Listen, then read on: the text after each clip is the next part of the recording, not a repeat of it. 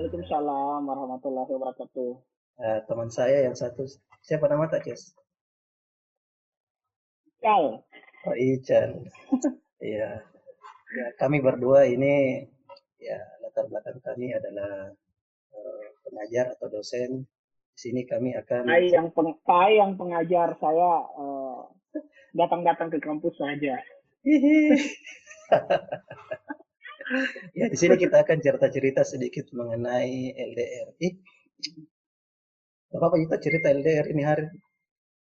Aduh, jadi baper ini kalau bahas LDR, cuy. Tapi bukan itu, Jess. Kita membahas LDR terkait kenapa kita harus belajar di rumah. Apa kepanjangannya LDR itu, Chan? Eh, bagaimana? Bagaimana, bagaimana? Apa kepanjangannya LDR itu? Uh, LDR itu bukan uh, itu long distance relationship. Oh bukan, Pak ini pagi-pagi sudah baper. LDR itu learning dari rumah. Oh learning dari rumah. Okay. Learning oh. dari rumah, benar.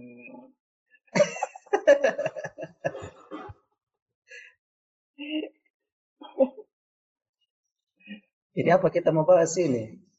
Mengenai uh, jadi uh, jadi seperti yang kita tahu sekarang ini kita lagi masa-masa krisis mungkin ya bisa dibilang seperti itu.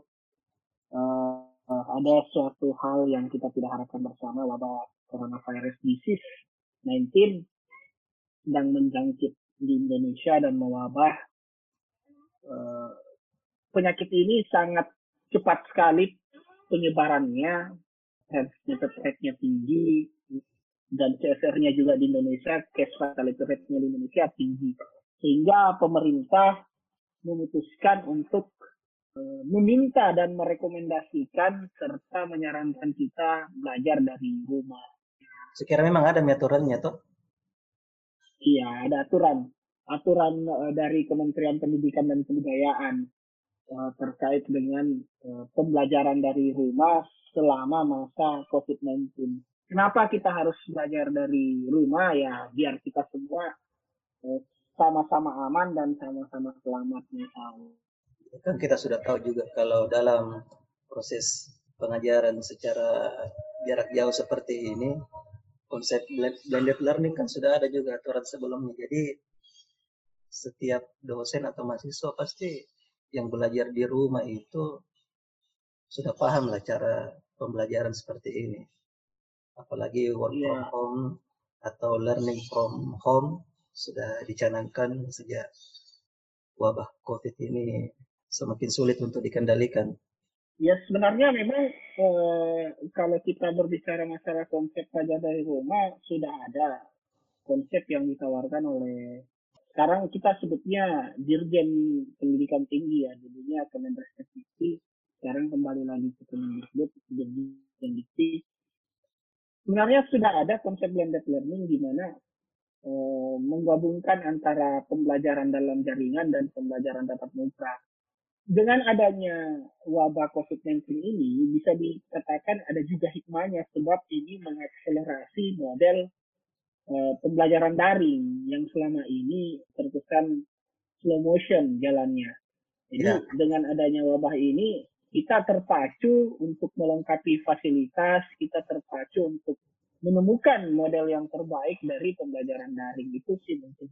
Ya, kalau saya melihat sendiri konsep uh, learning from home tiba-tiba menjadi kekagetan bagi dosen dan bagi mahasiswa. Mereka tiba-tiba kaget. Bagaimana caranya kita harus belajar dari rumah?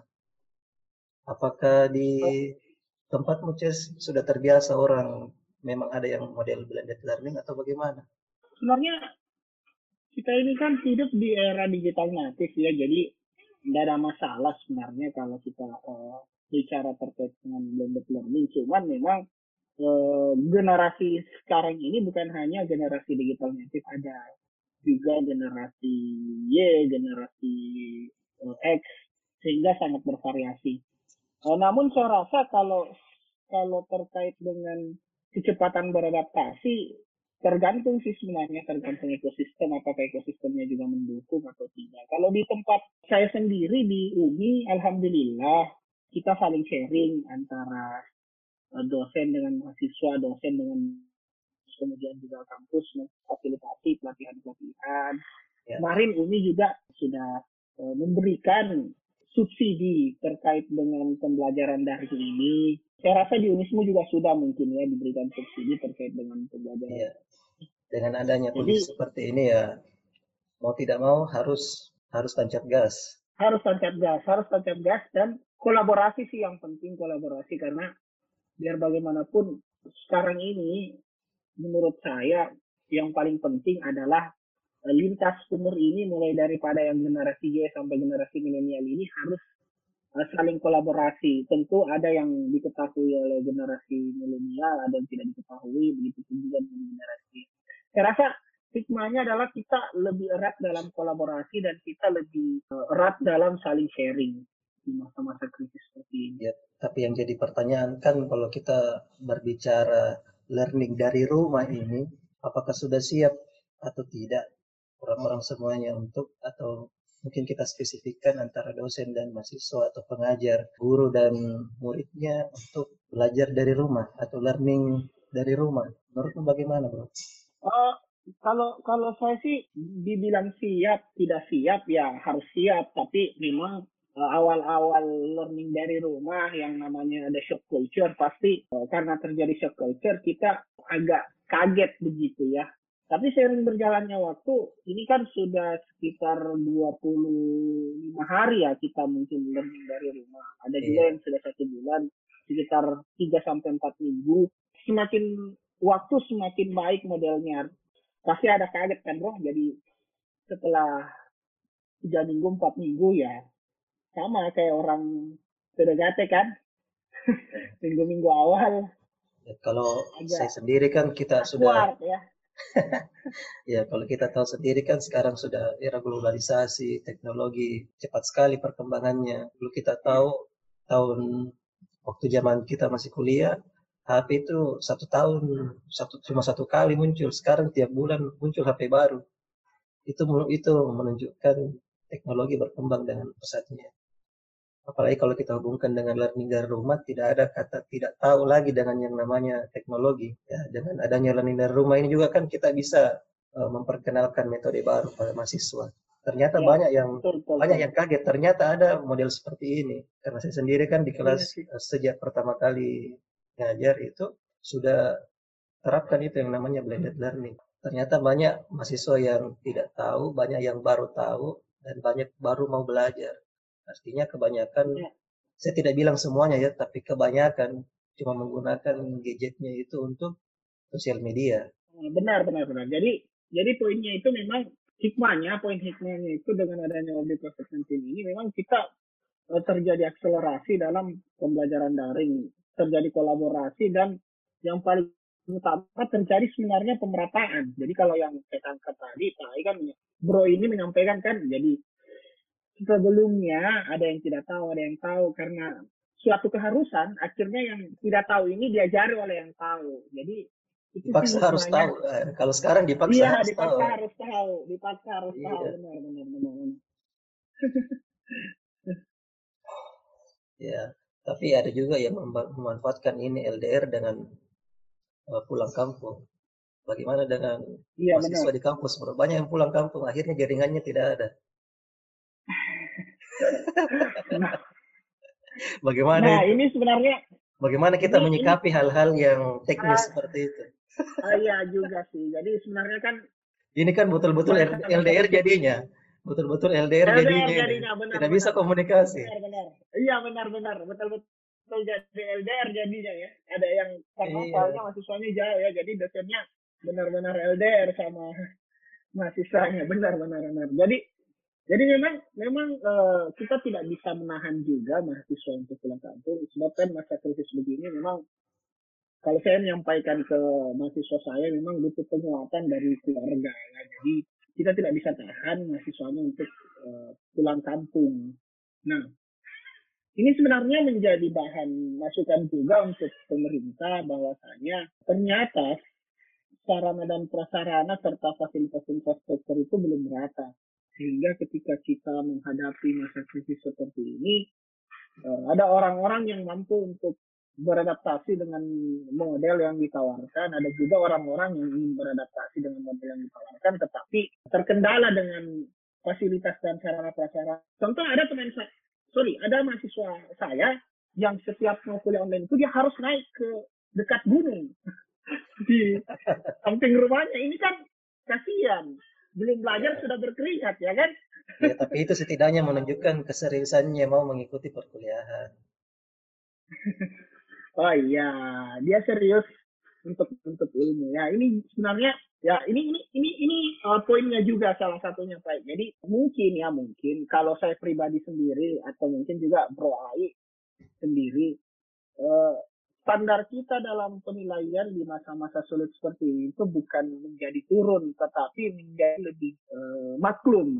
Jadi misalnya contoh ada mahasiswa saya yang sepanjang waktu kuliah online, ngezoom misalnya ini ya, yeah. dia uh, in out in out in out karena jaringannya tidak bagus.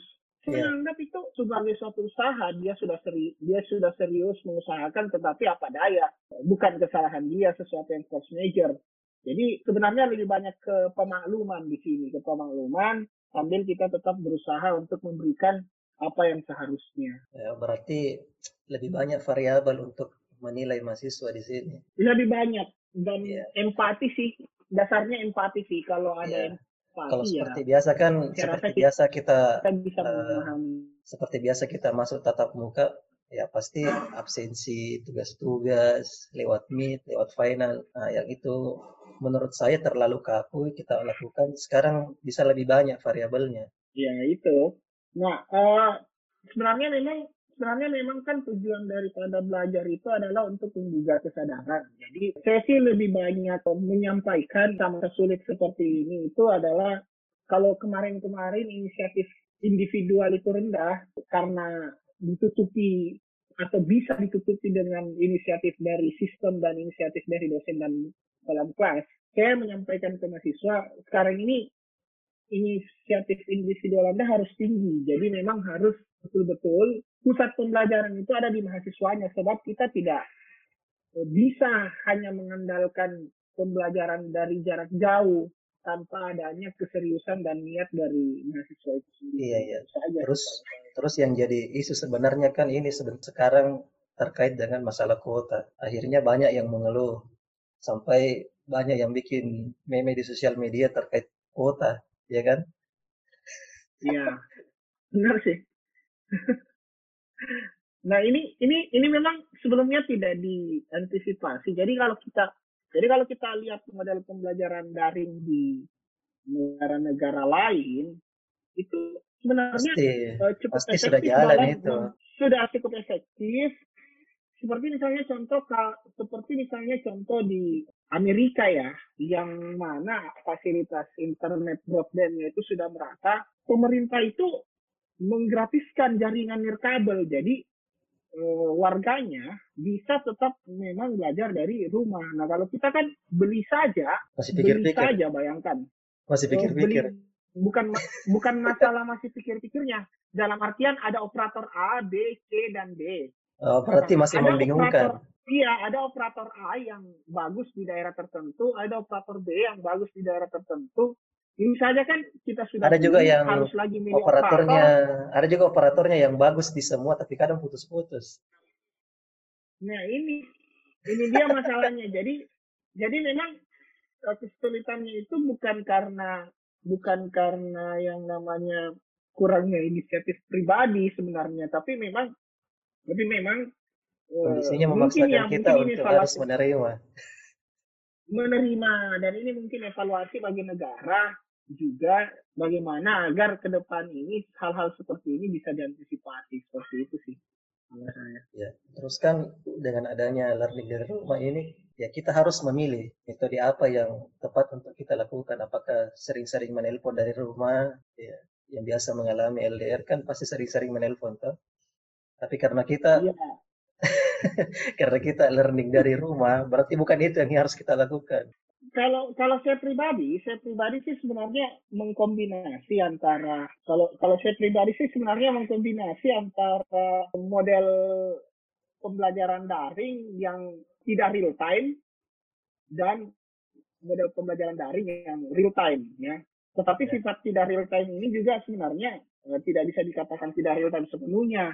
Hanya saja interaksi dua arah tidak real time. Interaksi dua arah tidak. Interaksi betul betul interaksi dua arahnya yang tidak real time. Sebenarnya uh, informasi masuknya itu real time. Seperti contoh kalau kita menggunakan uh, ini nggak apa-apa ya saya sebut merek ya. Iya nggak apa-apa. Aman kok. Misalnya kita nanti jadi sponsor. Misalnya kita menggunakan Google Classroom, itu iya. sebenarnya yeah. itu sebenarnya kan kita tidak selamanya eh, mengontrol classroom kita, tapi informasinya yeah. real time sebenarnya masuk. Nah, yeah. cuman kalau kita menggunakan Zoom itu memang mengharuskan kita untuk real time, real time dan uh, langsung misalnya direct direct learning. Jadi ceritanya kalau umpamanya uh, kita ingin berdiskusi dengan mahasiswa itu langsung kalau menggunakan Zoom. Cuman ada kelebihan dan kekurangannya masing-masing. Yeah. Kalau classroom ya pastilah karena dia itu tidak perlu membutuhkan uh, direct learning yang real time benar-benar sehingga tidak ada kendala putus dan lain sebagainya kalau Zoom ya kadang kalau jaringan tidak bagus ya putus. Nah, perkaranya juga adalah eh, ternyata average eh, penggunaan kuota atau rata-rata penggunaan kuota menggunakan Zoom ini itu kalau free eh, dibatasi. Per, iya free dibatasi itu time-nya yang banyak dikeluhkan mahasiswa itu sih makan kuotanya. Jadi ceritanya empat 4 jam itu dia kira-kira butuh sekitar 3 GB per 4 jam. Artinya kalau per jam itu dia butuh sekitar uh, 700 MB. Bisa dibayangkan kalau misalnya mata kuliah 3 SKS eh, dua setengah jam artinya tidak sampai satu minggu habis nih kotanya. Kita sambung lagi pembahasan yang tadi terputus. Baru-baru bahas jaringan, ternyata kita diputus sama jaringan. ya ini ini sih salah satu uh, kekurangan dari learning dari rumah ya, learning dari hmm. rumah karena dia dibatasi waktu. Jadi memang perlu ada mungkin ya fasilitasi dari negara terkait dengan ini, kemudian memang perlu ada pengorbanan lebih ya, sacrifice lebih, more sacrifice buat ya. uh, belajar dari rumah kita lanjut mungkin ya. Sekarang bahas topik apa lagi nih Pak ini?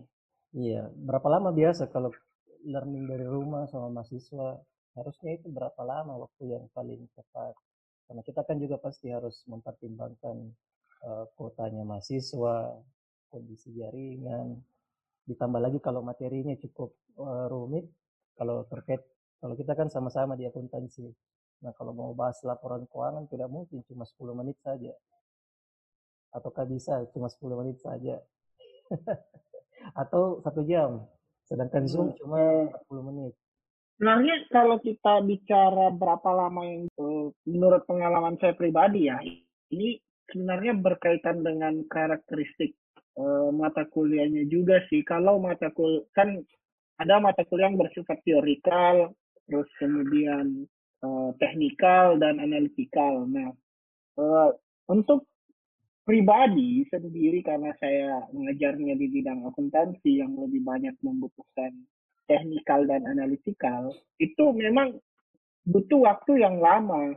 Sebab tidak mungkin e, disampaikan tanpa contoh kasus tidak mungkin disampaikan tanpa pembahasan soal. Nah perkaranya adalah ekosistem e, self learning kita atau misalnya kita membahas terkait dengan pusat pembelajaran itu adalah mahasiswa itu sendiri itu belum terlalu bagus. Saya rasa e, kalau untuk di Indonesia Timur ek ekosistem dan iklim pembelajaran itu akan terasa beda sekali ya. Jadi ceritanya e, mahasiswa punya e, atau mungkin masih rendah inisiatif untuk e, memahami materi sebelumnya e, sebelum mulai kelas. Nah ini ini menjadi kendala sebab kalau tatap muka saja sendiri seperti itu bagaimana dengan yang namanya pembelajaran daring tantangannya sih di situ, tantangannya di situ. Artinya tantangannya untuk mata kuliah yang bersifat analytical dan teknikal itu harus memang membutuhkan waktu yang lebih lama dan menjadi lebih lama lagi kalau mahasiswanya tidak e, membaca sebelumnya materi terkait dengan itu.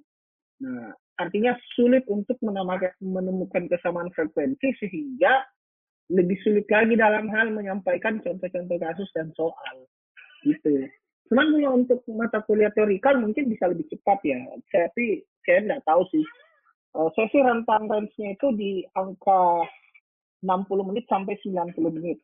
Iya, kalau itu kalau wajar ya. kalau kita mau bahas mengenai pembahasan terkait lebih mendalam kan dengan mata mata kuliah mata kuliah yang lebih spesifik sudah pasti membutuhkan waktu yang lama. Ya mungkin bisa dimixkan dengan penggunaan banyak media belajar selain tatap muka. Misalnya kayak Google Classroom, Classroom tadi ya kita bisa pakai seperti itu. Jadi kan meminimalisir penggunaan kuota. Jadi selain belajar di Zoom mereka bisa belajar ya, benar, di Classroom. Kita bisa share materi di situ bertanya juga bisa lebih lebih fleksibel kan karena tidak menggunakan kuota yang banyak itu pun kalau banyak yang bertanya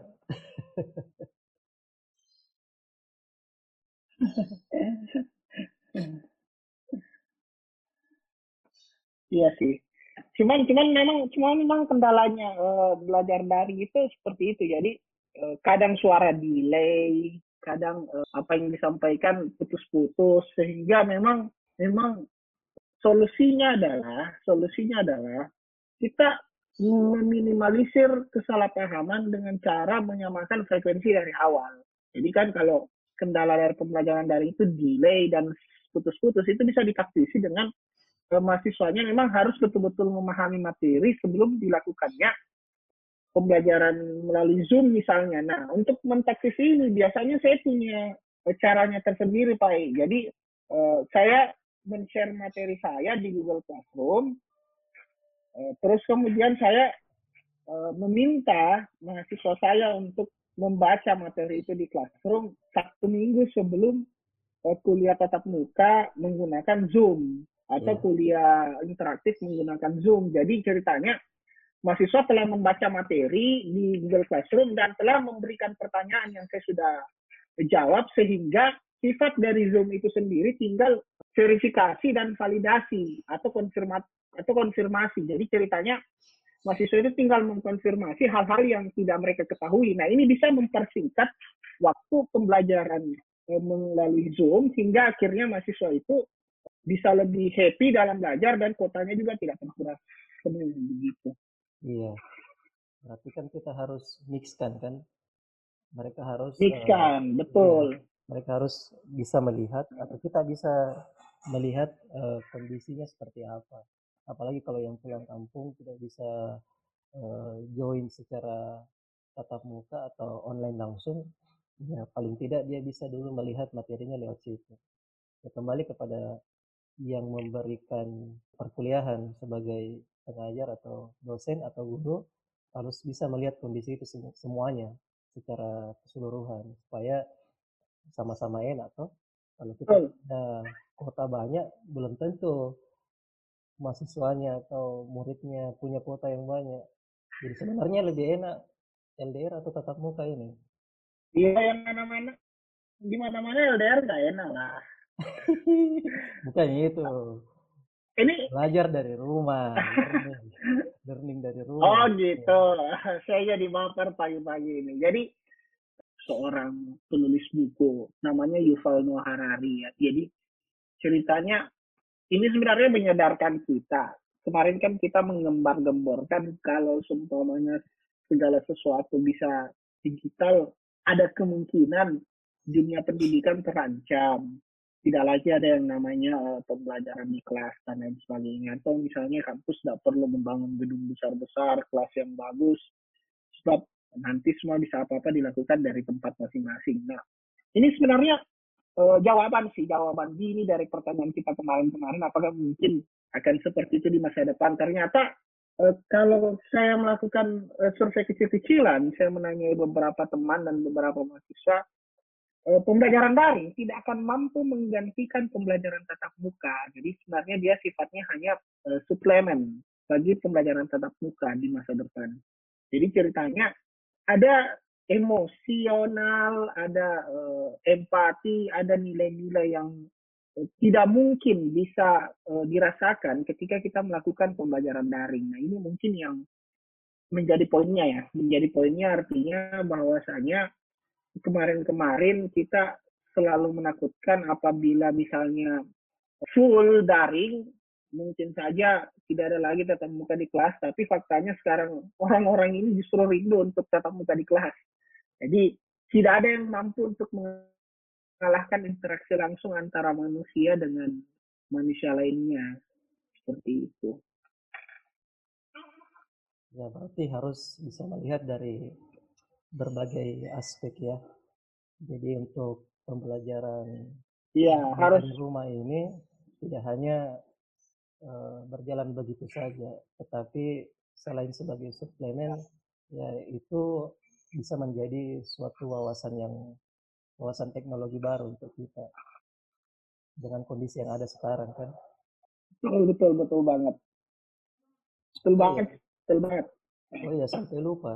Selain plusnya sebenarnya terdapat banyak kekurangan atau tidak kayak di dalam LDR kalau saya melihat lebih ke permasalahan kuota sebenarnya itu saja yang seperti tadi kita bicarakan dari awal dan juga bagaimana permasalahan kuota dan juga pemahaman itu pemahaman e, mahasiswa atau murid dosen atau pengajar dalam penggunaannya sehingga tidak bisa maksimal. Ya percuma kan teknologinya bagus, tapi orangnya tidak tahu menggunakan. Nah itu kan juga masalah.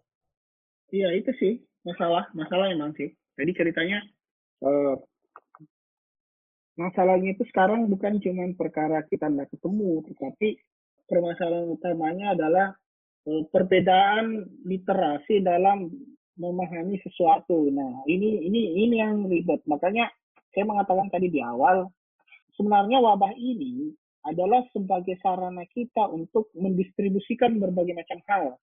Bukan hanya bukan hanya uh, terkait dengan mendistribusikan literasi apa yang kita ketahui ke orang, tetapi semua hal, in everything aspect. Jadi ceritanya ceritanya uh, misalnya ya misalnya contoh.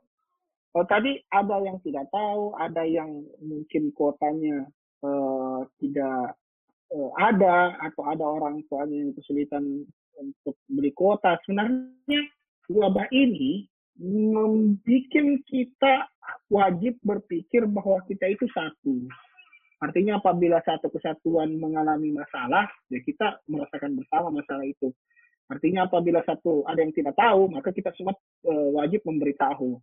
Jadi wabah ini menggugah kepekaan sosial, membuat kita untuk giat berkolaborasi, membuat kita giat untuk care dan peduli kepada orang, membuat kita rajin nge-share sesuatu kepada orang sehingga uh, dengan adanya saling distribusi pengetahuan, distribusi materi dan lain sebagainya, uh, kolaborasi, kita berharap bahwasanya kita uh, berada pada kebaikan yang sama gitu.